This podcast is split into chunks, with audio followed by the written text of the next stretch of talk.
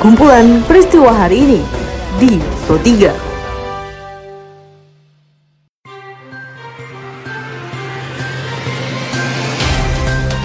Halo pendengar, selamat berjumpa kembali di podcast Pro 3 RRI. Pada podcast kali ini saya akan mengulas isu-isu aktual yang saat ini masih hangat atau ramai diperbincangkan di sekitar kita. Tentu saja nanti pendengar akan saya hadirkan cuplikan informasi dari reporter kami. Bersama saya Karisma Rizky, inilah kumpulan peristiwa Pro 3 di ruang dengar podcast Anda. Baiklah pendengar, informasi pertama ini berdasarkan laporan dari reporter Rizky Basuki, di mana pengamat kebijakan publik Universitas Trisakti Trubus Rahadiansyah menilai pemerintah Provinsi DKI Jakarta diskriminatif dalam menegakkan peraturan gubernur Pergub nomor 51 tahun 2020 tentang pembatasan sosial berskala besar atau PSBB dalam masa transisi dengan adanya tempat hiburan malam yang masih buka. Kenapa mereka membandel ini? Ini sebenarnya karena lemahnya pengawasan, Mas. Jadi pengawasan yang dibebankan oleh pemilik ini, pemilik tempat hiburan. Harusnya pemilik tempat hiburan itu betul-betul memperhatikan protokol kesehatan itu. Tapi yang terjadi kan seperti tanda silang, seperti pala pester-pester itu, itu semuanya hanya lip service, Mas. Dan kesannya menipu gitu lah.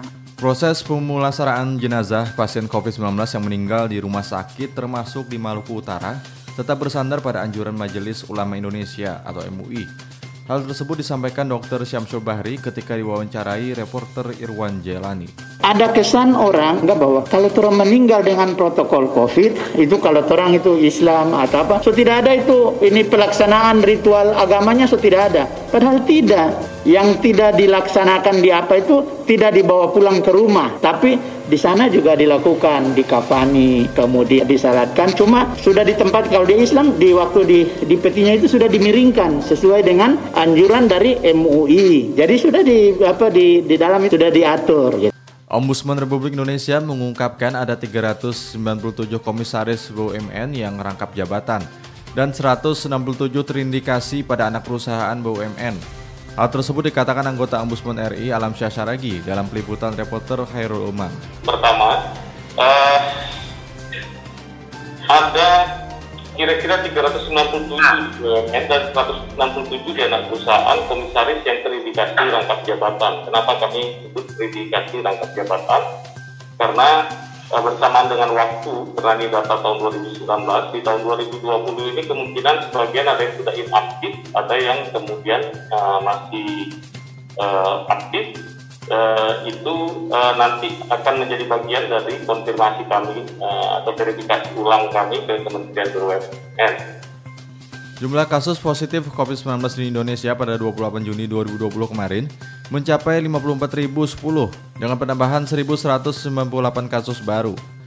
Maraknya kegiatan olahraga yang dilakukan masyarakat di tempat umum dianggap dapat beresiko menjadi penyebab penularan kasus baru sehingga masyarakat diharapkan dapat tetap disiplin menjalankan protokol yang telah ditetapkan. Hal tersebut dikatakan anggota tim komunikasi publik gugus tugas nasional, Dr. Risa Broto Asmoro, seperti dalam peliputan reporter Niar Abdul. Dan berjarak minimal 2 meter dengan orang lain. Kedua, untuk olahraga jalan kaki, usahakan jaraknya kurang lebih 5 meter dengan orang di depannya. Sedangkan untuk yang berlari, sebaiknya berjarak kurang lebih 10 meter dengan orang di depannya. Untuk yang bersepeda, jaga jarak kurang lebih 20 meter dengan orang di depannya. Dan yang kelima, setelah berolahraga, ingat untuk selalu segera cuci tangan, mandi, ganti pakaian, bersihkan seluruh alat olahraga dan barang bawaan kita, seperti handphone, kacamata, tas, dan barang lainnya dengan cairan desinfektan. Dan pendengar informasi tadi sekaligus mengakhiri perjumpaan kita pada podcast edisi hari ini. Anda masih bisa mendengarkan podcast edisi hari ini dan hari lainnya di Spotify dengan hanya mengetik Pro 3 RRI di kolom pencarian Anda. Dan pendengar tetaplah menjaga jarak dan teruslah mengikuti berita terupdate di Pro 3 RRI. Saya Karisma Rizky, beserta tim podcast undur diri. Sampai jumpa. Jalanan Ibu Kota DKI Jakarta Kumpulan peristiwa hari ini di Pro 3.